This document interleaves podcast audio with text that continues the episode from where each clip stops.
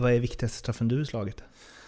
Eh, det var nog en cupfinal eh, för AIK mot Elfsborg eh, som slutade 12-11 tyvärr i Elfsborgs favör. Mhm. Men du satte din? Ja, det är klart. Hur satte du den? Jag satte den i samma hörn som granen, lägre ner, ännu bättre placerad.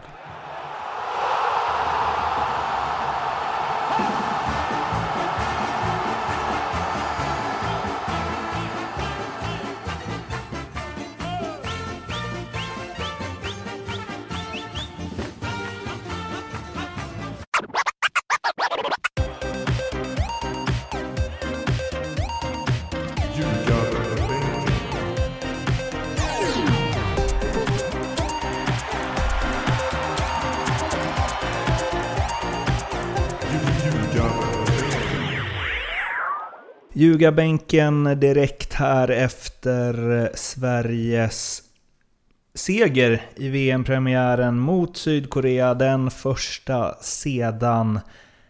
Vad var det Lasse Granqvist sa om Rafa Marquez? Han är 10 000 år och har spelat 200 VM. Eller något sånt.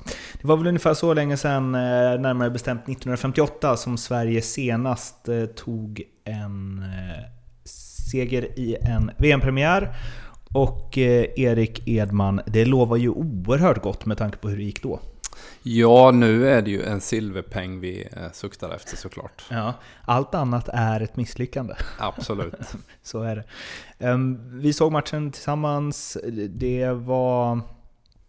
Ja, det var lite halvchanser och Berg brände något läge. Och sen så helt plötsligt så fick man ju svar på frågan var Eh, what it is it good for och så vidare. Ehm, det var är ju en, en grej man känner mm, kring ibland, men idag var det bra.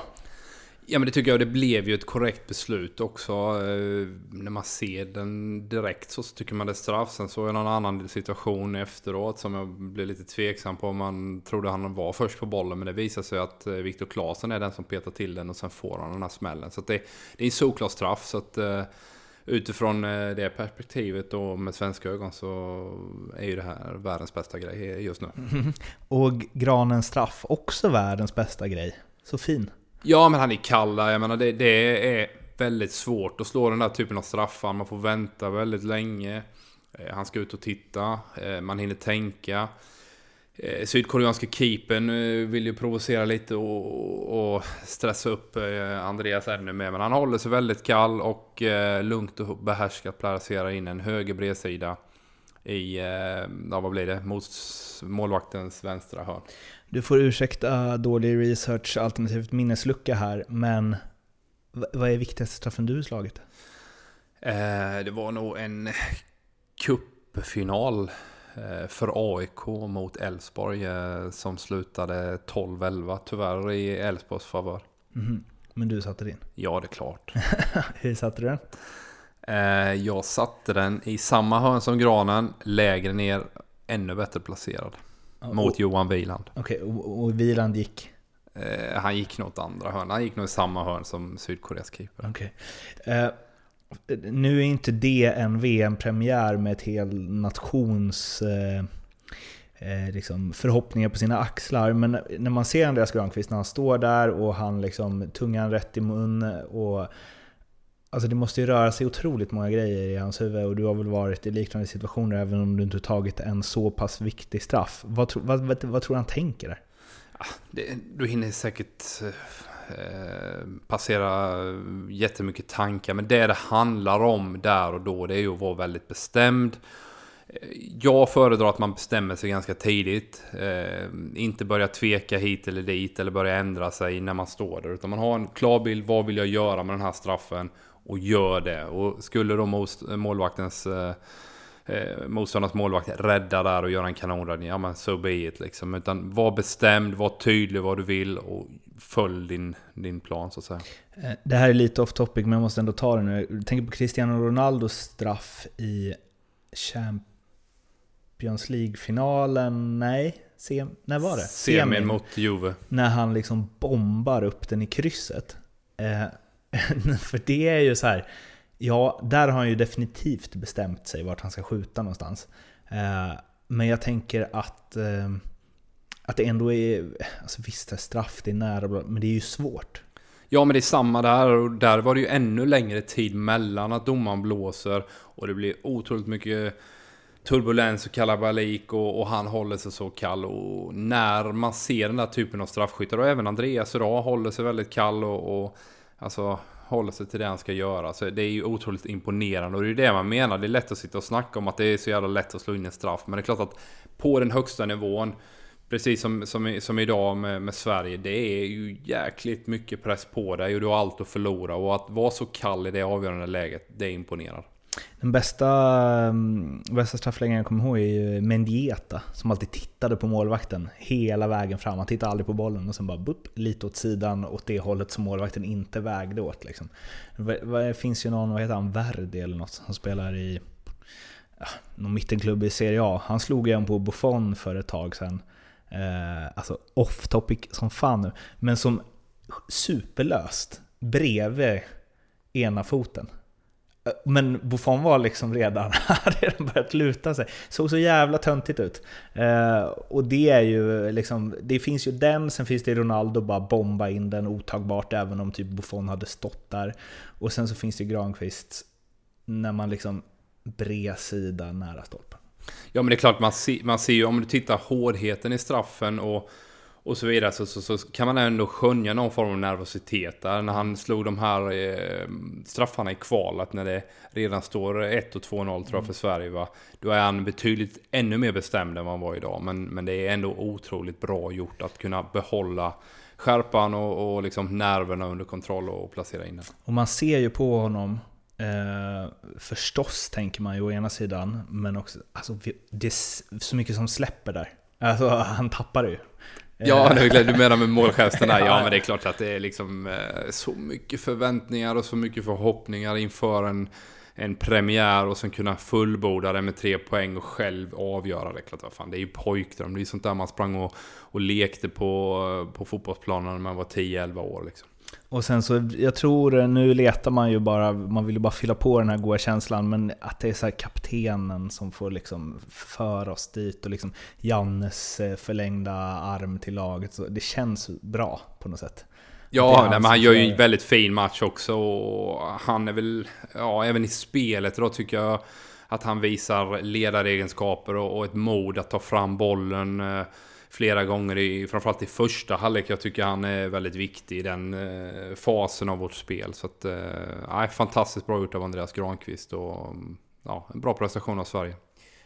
Vad ger det? Ja, minst silver har vi ju nu som kravbild, men vad den här, alltså, eller de här två första matcherna, Mexiko slår Tyskland, Sverige måste liksom vinna idag, vinner över Sydkorea 1-0.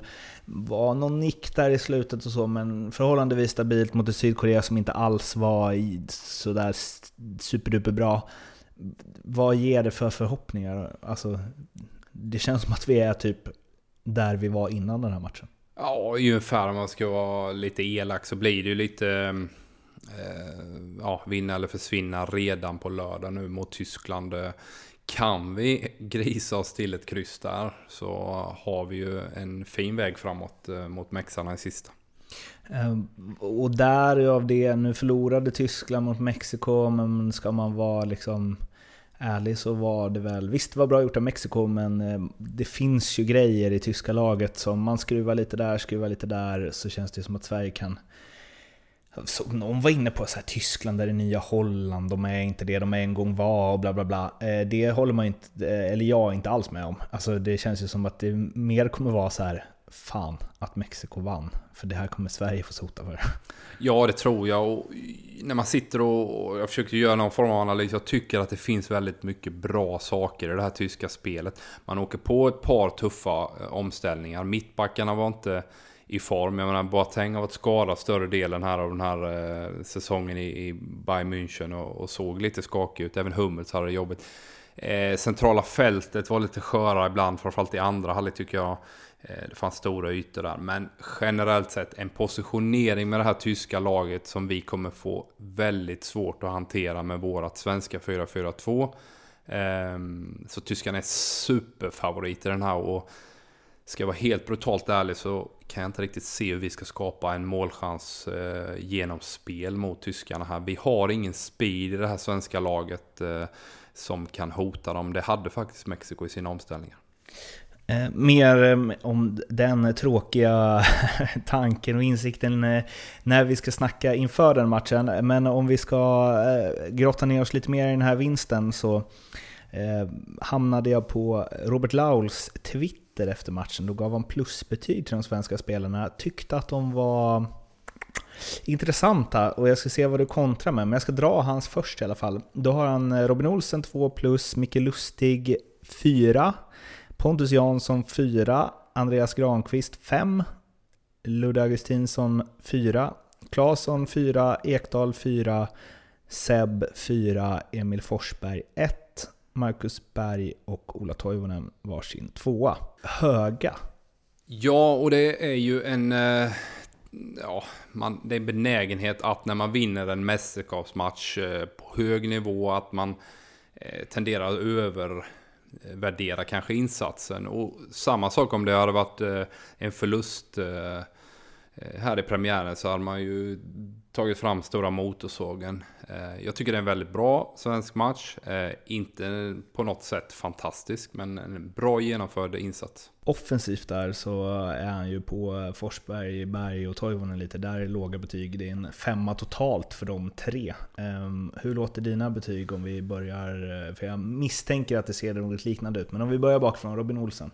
Jag tycker han är stabil och lugn och trygg i det han eh, hantera, så att säga, eller får hantera. Så jag ger honom en trea. Jag tycker han eh, utstrålar ett lugn som jag tycker eh, man ser att eh, försvararna har nytta av. Och, mm, en, en trea, lugnt och fint. Eh, inget spektakulärt. Och eh, hur går man nu? Man går höger till vänster va? Lustig börjar vi med då. En trea tycker jag där också. Stabil och fin. Eh, blir inte passerad eh, någon gång i stort sett tycker jag på hela matchen. Eh, visst, man vill ha någon utflykt till kanske offensivt och en påverkan. Men han har ett nickläge där i första halvlek också. Så en trea på honom. Kan vara lite mer skärpa i inläggen ibland. Tycker jag. Men det är väl en trea då? Okej. Trea, fyra mer skärpa i inläggen.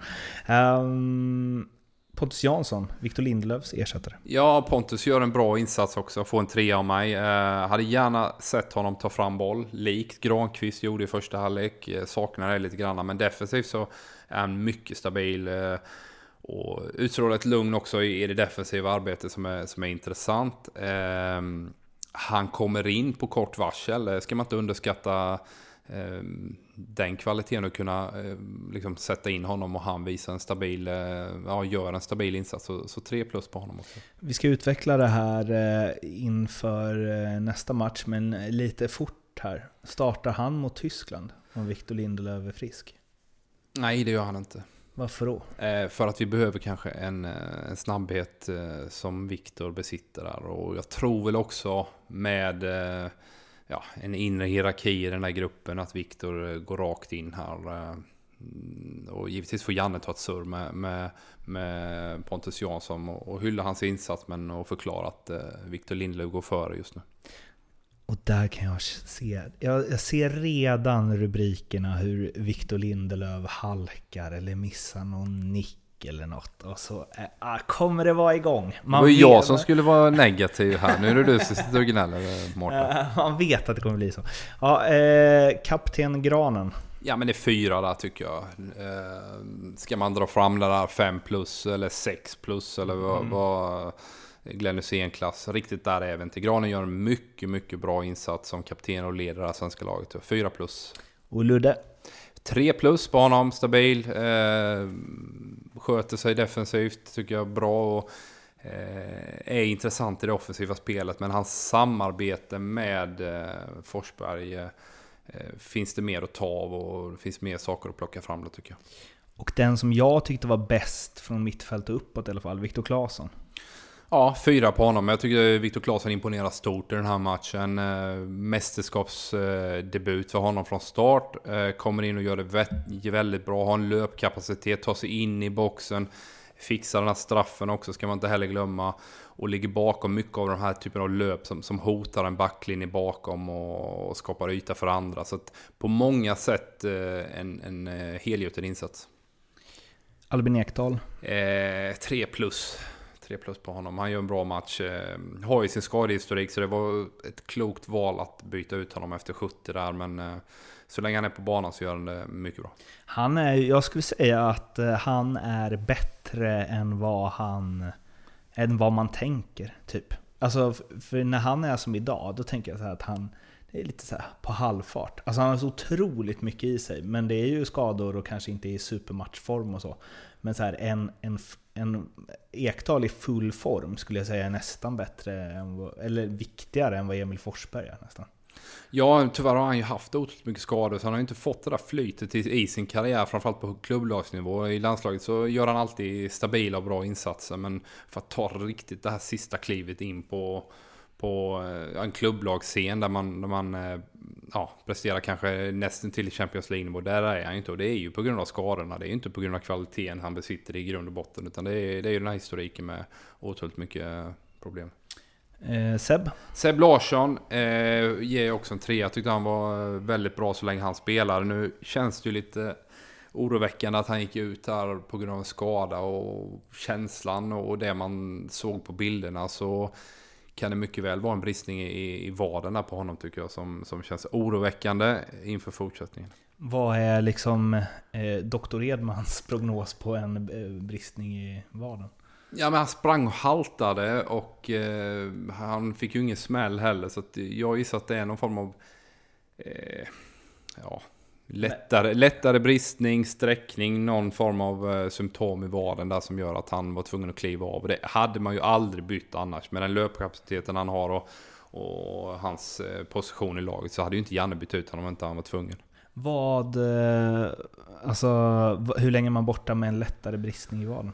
Ja, jag skulle säga att han kan nog mycket väl vara borta hela gruppspelet här nu. Okay. Eh, i alla fall lördagsmatchen tror jag definitivt han eh, inte kommer spela om, om det nu är en sträckning eller en bristning. Och sen ska han igång igen och klart beroende på utgång av eh, Tysklandsmatchen om han är redo för, för Mexiko. Men eh, jag, jag är lite bekymrad. Hiljemark eller Gustav Svensson? Där? Nu plockade han ju in först och främst Hiljemark va? Han tog Hiljemark för Ekdal och sen så Svensson för Ja, och det känns som att Hiljemark har lite mer fart, lite mer speed. Eh, så eh, jag tänker att han går före i det läget och man väljer eh, Oskar Hiljemark före. Jag tycker också att han var bättre när han kom in än Gustav Svensson, så jag tyckte såg lite kantig ut faktiskt. Man, ja, alltså nu är det en annan grej att starta och lira 90 mot Tyskland kontra att komma in sista kvarten mot eh, Sydkorea. Men jag tyckte Hiljemark såg jävligt fin ut. Alltså han, rör, alltså han, är, han påminner ju om Ekdal. De är ju lite lika i sitt sätt liksom. Ja, han har en fin löpkapacitet också som, som kommer bli otroligt viktigt mot Tyskland. Att vi orkar springa mycket. Det kommer bli en liknande matchbild som mot Italien, kanske ännu värre då. Mm. Eh, så just att täcka, och, och täcka av stora ytor i det defensiva spelet kommer bli viktigt. Och också då och då våga spela lite fotboll. Definitivt värre än mot Italien kommer det bli. Och eh, där är framförallt Tiljemark viktig i att våga spela lite fotboll om man jämför med Gustav Svensson som ju vars främsta kvalitet är ju att förstöra när andra ska spela fotboll. Eh, krya på dig Seb från ljugarbänken. Eh, och så här, alla AIK-fans där uppe, eller där ute i eten får ju hoppas att eh, det är inte, inte den här sign-onen har trillat in ännu. exakt. Uh, nu blir det lite jobbigare betyg då kanske. Man ska ju avsluta i dur, men uh, ja. Emil Forsberg, han fick en etta av Laul. Håller du med? Ja, jag tycker att han eh, får jobba mycket defensivt, men när han väl eh, är involverad i det offensiva spelet så får han bollen alldeles för långt ner i planen. Eh, har några skottlägen i andra halvlek framförallt, eh, där, där han drar över, men det känns inte alls lika het en mot en och kunna komma förbi sin spelare. Han är ju hal när han är i form, det tycker jag inte han visar. Um, det finns mycket mer att ta av och det är ju stora krav på Emil Forsberg med tanke på hans status i Tyskland och det han har visat i landslaget. Han kan mycket bättre. Eh, testa en tanke där, alltså Claesson hade väl helst också utgått ifrån vänster egentligen?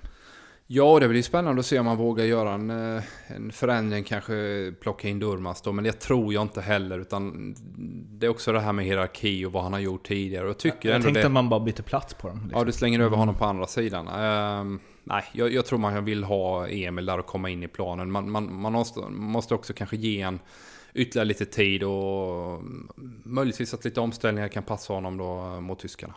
Också bra att ha honom mot Tyskland. De kommer ju lägga lite fokus där, tänker jag. Eh, och sen så har vi ju Marcus Berg då, som eh, ah, var någon supporter där som de intervjuade i Folkets Park på SVT där de han var väldigt eh, förlåtande mot den här missen i första halvlek. Ja, Marcus Berg får kort om tid. Ja, den kommer på vänsterfoten. Men han har ju hela jävla målet att sätta den i. Ja men det är klart, han ska sätta den eh, alla dagar i veckan och det känner han ju såklart själv också. Det är ju underbart för forwards när man får den här typen av läge. Egentligen inte behöver tänka utan bara placera den. Så det där är drömläget som en forward kan få. Att eh, in i femmetan och sen bara trycka in den ena, ena hörnet och så är det mål. Va? Så det, det kommer gräma honom otroligt mycket. Vi vinner Sverige ändå men just för hans del med självförtroende och bita så, så eh, hade han behövt sätta den. Två plus, ett plus? Två plus bra jobb ändå.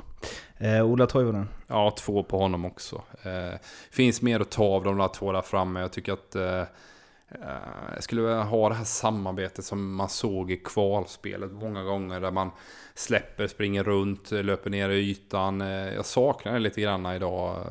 De känner varandra väl och har ju ältats i tid och otid här nu inför den här första matchen med sin historia, Värmlandslaget och ungdomslag och så vidare. Ehm, Fanns inte riktigt den här connection och, och, samarbetet som, som vi kanske är vana att se. Så, det här ska ju inte bli någon timmes eh, podd utan en eh, genomgång helt enkelt efter Sveriges premiärseger. Och om vi då ändå ska avsluta i du då. 1-0, 3 poäng. Hur många plus får Sveriges insats? Nej, men jag tycker vi en laginsats som är väldigt bra. 3 plus där. Stabil insats, inte fantastiskt. Eh, jag tycker inte man ska gå bananas för att man slår Sydkorea med 1-0. Utan en bra insats, hanterar nerverna på ett bra sätt. Eh, Eh, man pratar ofta om att det ibland i den här typen av matcher blir för mycket hjärta och för lite hjärna. Jag tycker ändå vi behöll lugnet stora delar av matchen och agerade väldigt smart. Liksom. Så att, eh, bra insats av Sverige. Det var det från oss. Vill ni se eh, oss så är det in på Ljugarbänkens Facebook som gäller så finns det en video där i alla fall imorgon bitti och imorgon är alltså måndag morgon, tisdag morgon är det imorgon. Eh, där vi snackar ner matchen lite mer, lite mer grafik, lite mer statistik. Erik eh, flyttar pluppar för att förklara varför Sverige vann och vad som måste göras bättre eh, mot Tyskland. Ni går också in på vår Instagram och Twitter förstås om ni vill se lite uppdateringar i farten och eh, ja, ni vet, släng iväg frågor och hej och hå så blir vi glada. Vi hörs igen i morgon. Då är det med Pontus eh, Farnerud faktiskt som ja, får hoppa in i ljugarbänken. Eh, det blir kul. Ja, det blir häftigt. Det ska bli kul att höra hans analys av första matchen här i gruppen. Yes. Eh, vi hörs igen imorgon. Hej! Hej då!